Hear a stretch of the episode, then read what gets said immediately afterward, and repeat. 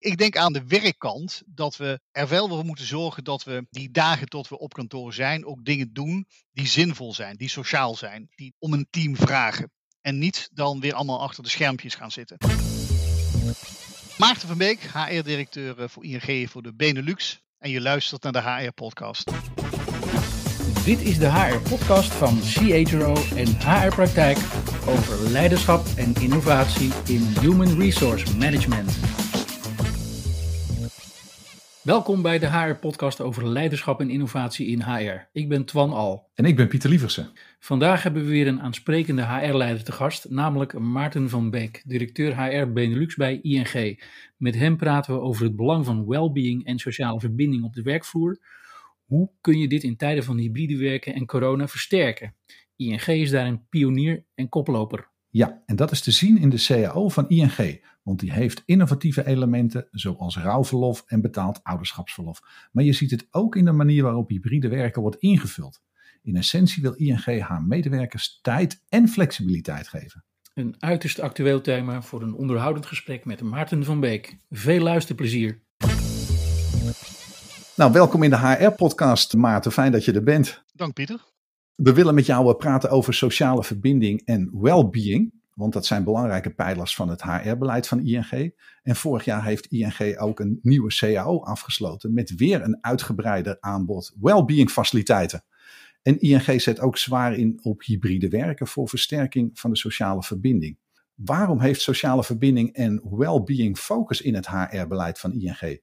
Ja, ik denk, eh, doe ik eerst een stapje, stapje terug, Pieter. Onze, onze strategie voor, voor ING is uh, empowering people, to stay a step ahead.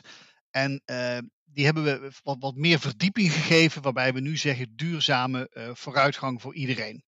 En als je het over duurzame vooruitgang hebt, dan is dat natuurlijk niet alleen voor de klantkant, maar ook de medewerkerkant.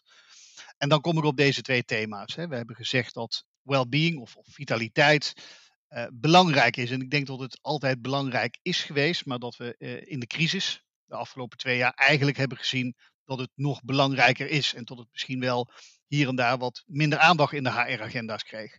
Maar gelukkig zijn wij er al eh, met de vorige CAO uh, mee begonnen. Waarbij we hebben gezegd dat we op een aantal dingen focussen. Niet alleen op het faciliteren van sport, gezondheid, dat soort zaken, maar ook op flexibiliteit en tijd. ING was de eerste grote werkgever die vaderschapsverlof vier jaar geleden ingevoerd heeft. Uh, ouderschapsverlof is daar nu betaald bijgekomen. Uh, maar ook rouwverlof. Of uh, nou, gisteren is de, de, de Ramadan afgesloten met het suikerfeest. en daar hebben we diversiteitsdagen voor. Dus mensen die daar dagen voor vrij willen pakken, dat kan. Dus wij vinden binnen vitaliteit, maar ook binnen sociale verbinding het belangrijk dat je tijd geeft en flexibiliteit geeft aan mensen. En um, nou, gisteren, ik denk het suikerfeest, een heel mooi voorbeeld. Daar komen twee dingen bij elkaar. Dat is tijd, maar je geeft mensen ook de mogelijkheid om bij elkaar te komen en daar verlof voor op te nemen. En dat hoeft niet de normale vakantiedagen voor aangesproken te worden. Dat zijn aparte dagen. Ook vinden we het belangrijk omdat we best wel lang moeten werken. Tot ons 67ste gebruik altijd het voorbeeld. Mijn opa's die werkten in de, in de kolenmijn in Zuid-Limburg. En die, die stopt een beetje tussen hun 50ste en 55ste. En wij gaan dan toch nog een, een flinke tijd door. En de vraag is, hoe, hoe ga je dat op een goede manier doen? Hoe kun je fit blijven, eh, waarde blijven toevoegen voor jezelf, energie krijgen van je werk, maar ook energie geven aan je werk tot die leeftijd. Dus we zijn ook aan het kijken van hoe kunnen we dat in de tijd anders gaan neerzetten. Eh, met verschillende soorten verlof, sabbaticals, tijd voor studie, voor herscholing, upskilling, reskilling.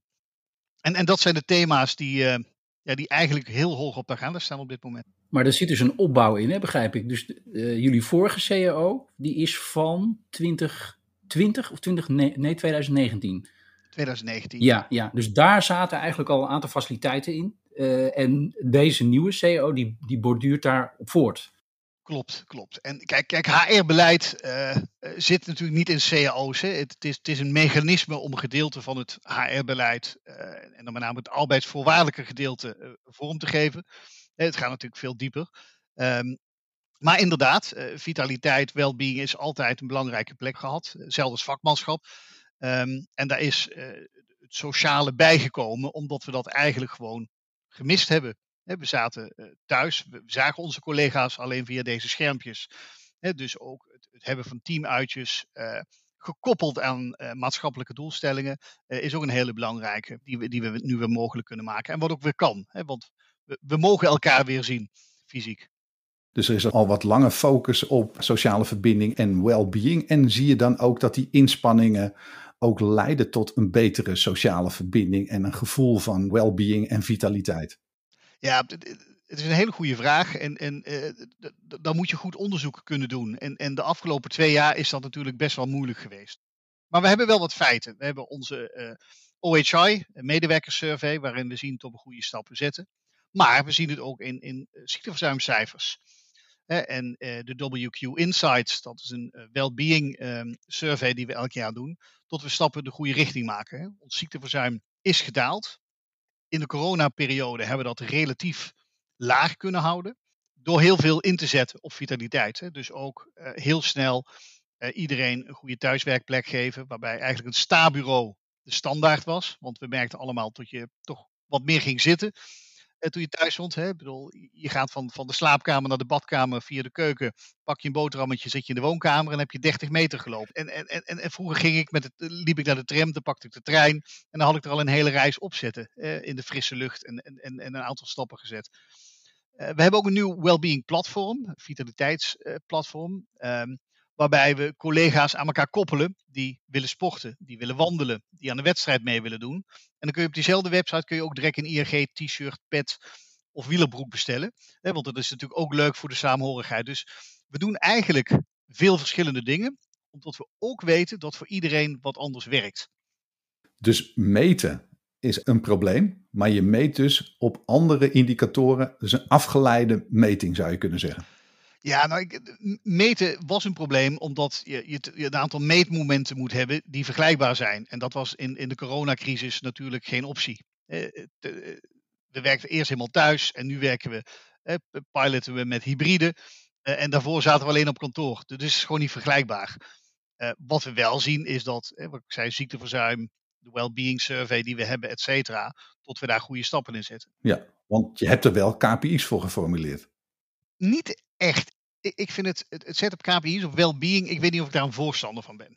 Eh, eh, ik zou het liefst een ziekteverzuim hebben wat, wat heel laag is. Kijk, iedereen heeft wel eens een griepje. Iedereen, op wintersport zijn er wat mensen die breken een been of een arm. En, en, en, maar wanneer het gaat om burn-out, et cetera, wil je dat gewoon eigenlijk op nul hebben. Alleen, we zijn allemaal mensen en in onze levens gebeuren dingen. dus een ziekteverzuim van nul zou ook on, ongezond zijn.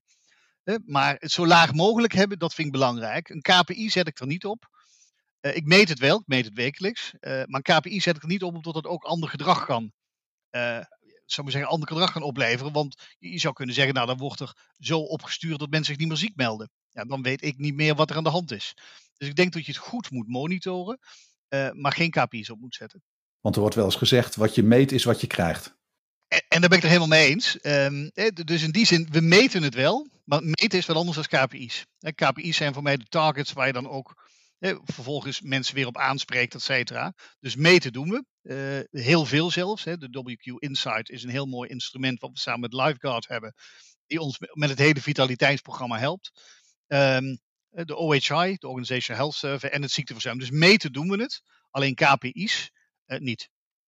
Uh, als je nou kijkt naar de CAO, hè, die nu al een jaar loopt, daar zijn een aantal regelingen in opgenomen die in specifieke situaties ING-medewerkers ondersteunen om privé en werk beter te kunnen combineren.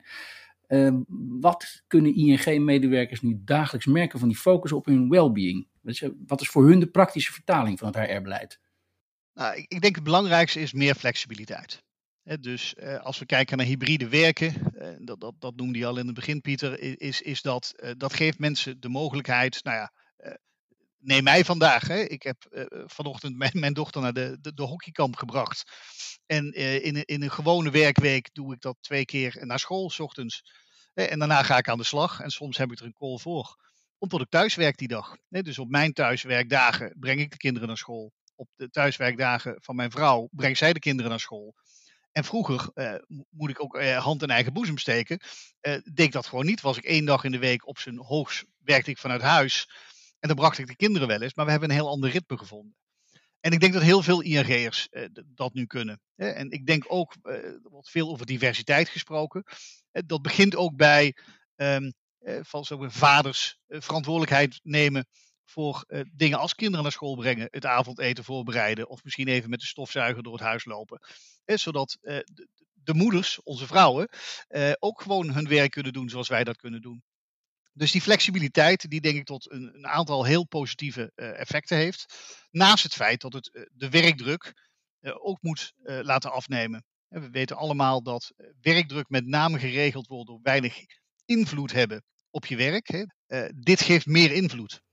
Nou zie je ook dat er voor, voor een gevoel van well-being een paar factoren spelen. Hè, zoals de relatie met collega's, de leidinggevende, inhoud van het werk.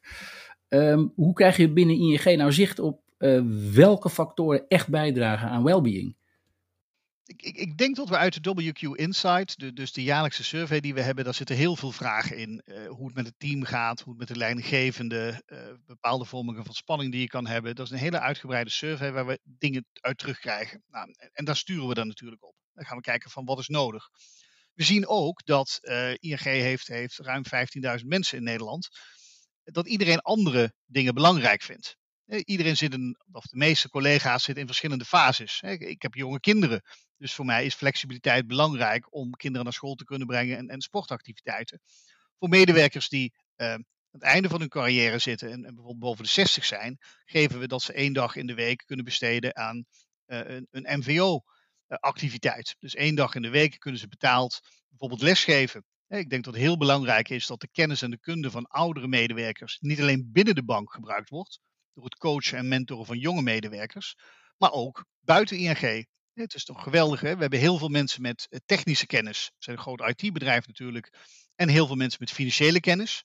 Het is heel mooi als je die beide vormen van kennis kunt gebruiken in het onderwijs door les te geven of uh, op een maandag of een dinsdag één dag in de week bij te springen op de financiële administratie van een museum of uh, in de schuldhulpverlening, wat, wat, waar we ook goede bijdrages kunnen geven. Uh, dus we geven tijd, zou ik zeggen, terug aan verschillende fases. En voor jonge mensen, ja, die, die hebben misschien wat, wat, wat minder behoefte aan bepaalde dingen, maar die willen misschien gebruik maken van de sabbatical. Ja, dus jullie verdelen de medewerkers in feite in een aantal categorieën. En voor die verschillende categorieën uh, hebben jullie mogelijkheden die mensen eigenlijk naar eigen inzicht kunnen gebruiken. Dat, dat is denk ik hier cruciaal. Klopt dan. Kijk, wat ik wil doen is een, een breed palet van mogelijkheden creëren, waarbij mensen kunnen kiezen wat voor hun werkt. Um, en, en, natuurlijk zijn er bepaalde dingen, hè, de gemiddelde leeftijd bij ING is rond de 43. Dus je weet dat in het, in het middensegment best wel veel mensen werken. Dus dat, vandaar tot, tot vaderschapsverlof, ouderschapsverlof belangrijk is. We hebben ook heel veel jonge mensen. We hebben collega's die op zich al 10, 20, 30 jaar bij ING werken. En die aan andere dingen behoefte hebben. Ja. Ik wil even één kleine zijstap maken, Maarten. Want je gaf net aan, er is een, uh, een jaarlijkse survey, een grote jaarlijkse survey. Nu hoor je ook wel stemmen opgaan. Van ja, dat jaarlijkse onderzoek, dat is eigenlijk niet meer zo van deze tijd. Dat moet eigenlijk frequenter uitgevraagd worden. Maar voor jou is het een belangrijk instrument. Hoe kijk je tegenaan tegen die beweging dat het allemaal wat sneller en korter cyclisch moet, die uitvragingen? Voor mij is en-en. Zo de, de uitgebreide survey doen wij één keer per jaar. Uh, maar elke maand doen wij wat we noemen een pulscheck. Een aantal vragen, volgens mij zijn het er negen. Uh, hoe voel je, hoe zit je in je vel? Uh, hoe gaat het met je team? hoe, hoe werkt hybride? Om wat voorbeelden te noemen. die vragen kunnen we ook wisselen. dus daar kunnen we flexibel in zijn. En, en, en dat gaat naar een gedeelte van de medewerkers. Niet allemaal, maar een hele grote steekproef. Volgens mij van 30 procent uh, waarbij we heel snel dus die feedback loop hebben. Want ik ben het met je eens. Hè, het zou gek zijn als je één keer per jaar wat meet en dan een jaar gaat zitten wachten om te kijken, gaat het nu beter? Dat willen we niet meer. Maar iedereen 80 vragen sturen uh, elke maand, dat vind ik ook een beetje veel voor het goede. Dus het is en-en. Die deep dive die is belangrijk. Die geven ook veel meer kwalitatieve informatie. Uh, en en die, die snelle pulscheck die we maandelijks doen, die, die is dan een hele mooie aanvulling op. En, en doet iedereen eraan mee? Die, doet die 30% er in zijn geheel aan mee? Nou, wat we zien is dat we eh, tussen de 50 en de 60 procent respons eh, hebben we eigenlijk als uh, nou, waar we een beetje op targeten. Uh, dat halen we niet altijd. We, zitten ook wel eens op rond de 30. Uh, maar we zien wel dat um, mensen echt wel de moeite nemen om feedback te geven. Ik denk dat het ook heel positief is. Ik ben natuurlijk alleen tevreden met, met rond de 100%. Daar ben ik ook heel eerlijk in. want het zijn hele mooie tools, ook voor de medewerkers. Hè, de WQ Insight die, die ik eerder noemde. Die geeft ook jou zelf een, een plaatje terug van hoe, hoe, gaat het met jouw vitaliteit? En hoe gaat het met de vitaliteit van je team? Dus dat is eigenlijk iets wat je iedereen gunt. Die pulscheck die is, die is voor de organisatie om te blijven kijken van hoe gaat het met, met ING als een totaal en op bepaalde afdelingen. Ja. Ik wil nog even met je inzoomen op uh, hybride werken. Want je hebt net natuurlijk aangegeven hè, dat jij zelf ook thuis werkt. Maar nu toch even het verschil maken tussen thuiswerken en hybride werken. Hybride werken wordt eigenlijk sinds corona dan gezegd van nou deels thuis, deels op kantoor. Daar zijn allerhande afspraken over te maken. Hoe is dat bij jullie ingeregeld? Ja, nou wij uh, zijn eigenlijk begonnen met, hè, we, noemen het nog steeds een pilot, laat ik daarmee beginnen, omdat uh, je blijft leren. En je, moet blijven bijstellen van wat werkt en wat werkt niet.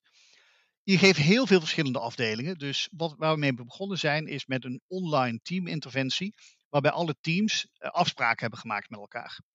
Van op welke dag wil je bijvoorbeeld tot je allemaal op kantoor bent? En welke meetings gaan we digitaal blijven doen? En voor welke heeft het toegevoegde waarde om naar kantoor te komen? En waarbij we in algemene zin hebben gezegd: alles wat om brainstormen, creativiteit gaat, met elkaar praten, gaan we naar kantoor. Alles wat te maken heeft met meer individueel werk, uh, proberen we zoveel mogelijk vanuit thuis te hebben. Hè, waar concentratie bij nodig is, et cetera. Ook het aantal reismomenten proberen we eh, internationaal reizen zo, zo, ver mogelijk terug te, terug te brengen.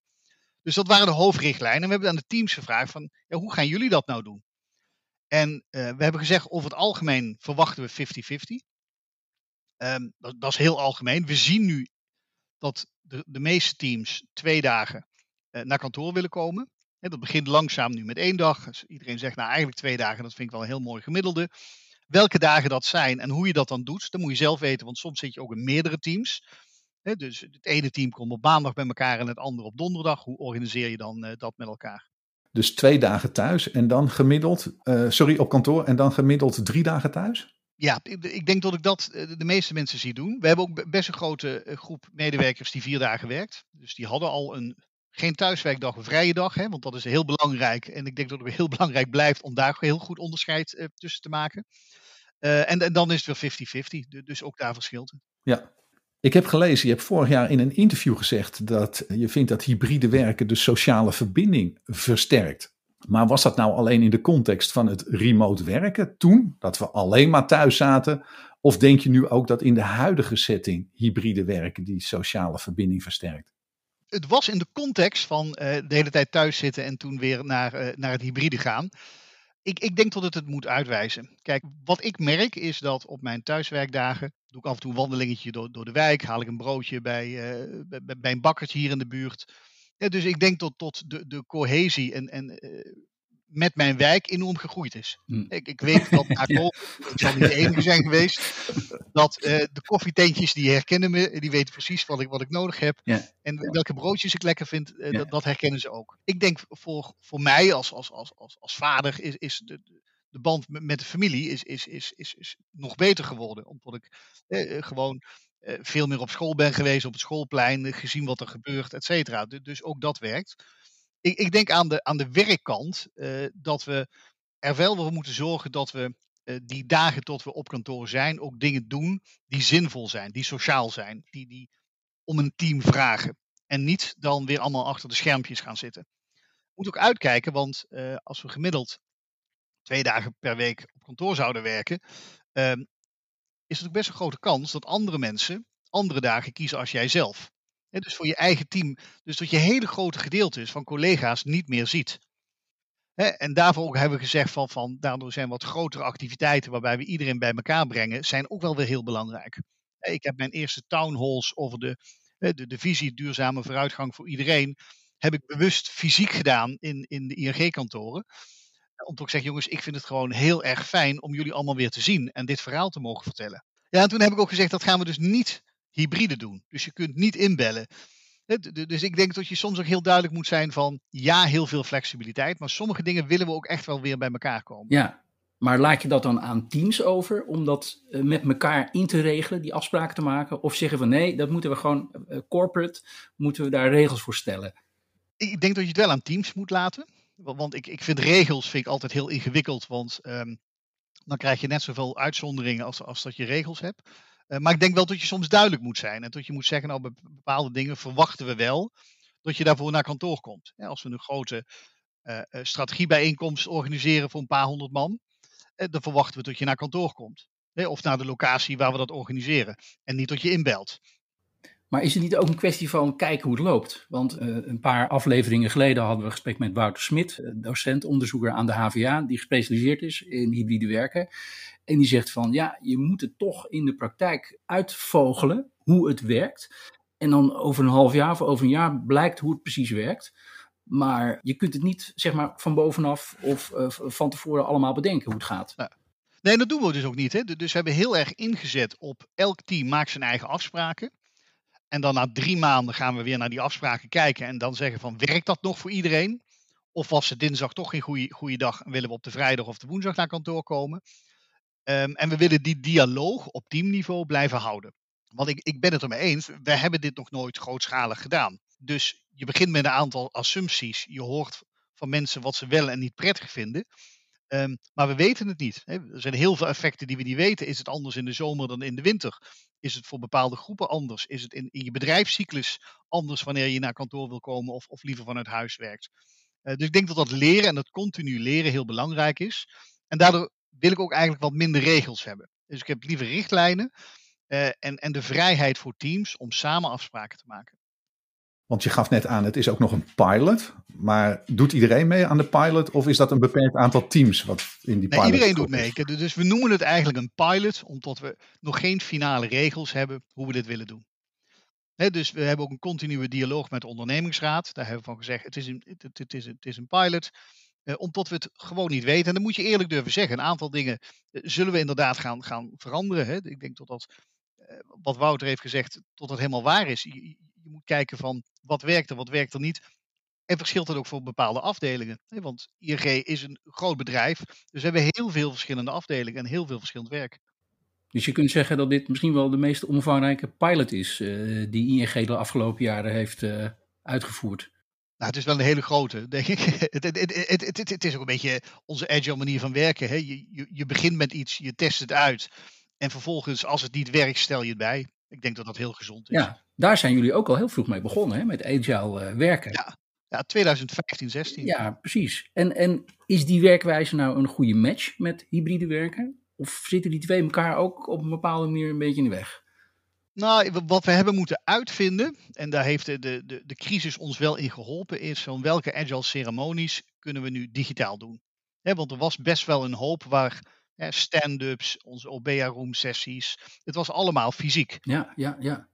Um, en we zagen toen ook eigenlijk wel een heel klein beetje dat um, voor mensen die wat flexibel wilden werken, er toch een beetje een druk was om naar kantoor te komen toen Agile uitgerold werd. En omdat het allemaal toch wel ja, fysiek was, die stand-ups die waren fysiek elke ochtend. Nou, dan hebben we in, in, in, door corona heel snel geleerd tot dat prima digitaal kon. Um, en nu zijn we dus weer aan het kijken, oké, welke agile ceremonies uh, zijn helemaal goed digitaal te doen. Dat is ook effectief, zeker met grotere groepen. En welke wil het team toch, toch bij elkaar doen? En, en stand-up, als je allemaal dinsdag afspreekt naar kantoor te komen, is dat natuurlijk een geweldige dag om dan ook die, die, die stand-up samen te hebben en fysiek te hebben. Nu hadden we het net ook over um, well-being en sociale verbinding. Als je nu kijkt naar agile werken, moet je bij die manier van werken daar dan juist extra aandacht voor hebben? Of levert agile werken daar al vanzelf een bijdrage aan? Wat is jouw ervaring daarmee? Ja, ik, ik, ik kijk, ik denk met name de sociale verbinding. Agile uh, vindt het team heel belangrijk. End-to-end werken uh, en zoveel mogelijk met het team afstemmen. Dus in die zin uh, zit die link er wel. Met vitaliteit zie ik hem 1, 2, 3 niet, om heel eerlijk te zijn. maar ik denk op de sociale verbinding het elkaar versterkt. Maarten, als, als afsluiting van deze podcast, heb jij ook tips voor HR-vakgenoten die in hun HR-beleid en arbeidsvoorwaarden meer aandacht willen geven aan well-being en sociale verbinding? Wat zouden zij tenminste moeten regelen? Nou, kijk, ik, ik gebruik zelf het woord ook HR-beleid. Ik, ik, ik zou zelf zeggen, probeer zo min mogelijk in regels en procedures vast te leggen en experimenteer heel veel. Probeer een, een breed palet van dingen aan te bieden, waardoor de keuzevrijheid echt bij de medewerkers ligt. Ik denk dat dat heel belangrijk is. Een andere, we hadden het over meetbaar maken, is dat ehm, ik denk dat het heel belangrijk is om wel dingen te blijven meten en te analyseren. Wat ik ook zei, KPI's zetten vind ik soms uh, gedrag uitlokken, wat ik denk niet goed is bij, dit soort dingen. Maar het meetbaar maken van het impact van je HR-activiteiten, ik denk dat dat een heel, heel belangrijke is. En dat ook terug aan de business te durven geven. Kijk, als het ziekteverzuim omlaag gaat, dat betekent dat ehm, je minder kosten maakt. Dat is positief. Dus dan kun je ook een gedeelte weer investeren in nog een breder wellbeing programma. En ik denk dat als HR we ook wat meer finance literate moeten zijn. Om terug naar de business te kijken van wat, wat voor waarde hebben die dingen nou bijgebracht. Misschien nog een, een heel praktisch voorbeeld. Rouwverlof hebben we in de CAO ook opgenomen. En daar hadden we best, nou, iedereen wilde dat graag. Maar ik zeg jongens, het is ook gewoon heel logisch. Want iedereen verwerkt rouw op zijn eigen manier. En ook voor mensen, eh, voor andere mensen om, omheen die, die weggevallen zijn. Um, en op het moment als je daar niets, iets voor aanbiedt, kun je mensen in, in stress brengen. En dan vallen ze uit op, op de middellange termijn. Dat is ook niet goed. dus ook het definiëren van als iemand een dierbare over, overlijdt. Voor mij, wie die dierbare is, daar wil ik geen regels over. Als dat een impact heeft op het, van de, leven van de medewerker en de rouwverlof voor nodig is, dan bieden we dat gewoon graag aan. we hebben gezegd dat het in ieder geval twee weken is, maar als dat langer nodig is, dan ook. Dus niet te veel regels en goed naar medewerkers luisteren van wat heb je dan nodig en, en hoe kun je dat op een goede manier invullen. Dus ik heb als steekwoorden genoteerd experimenteren, keuzevrijheid, meten maar met mate en teruggeven aan de business. Ja, dat vind ik een mooie steekwoorden. Nou, bedankt eh, Maarten dat jij te gast wilde zijn in deze HR-podcast en dank ook voor jouw praktische tips. Dankjewel Maarten. Graag gedaan. En dit is het einde van weer een aflevering van de HR-podcast over leiderschap en innovatie in HR. Vind je de HR-podcast leuk? Geef dan je 5-sterren review op Apple Podcast. Daarmee kunnen andere HR-professionals deze podcast makkelijker vinden. Als je suggesties hebt voor gasten voor een volgende aflevering, stuur dan een mail naar redactie.hrpodcast.nl. Bedankt voor het luisteren en tot de volgende HR-podcast.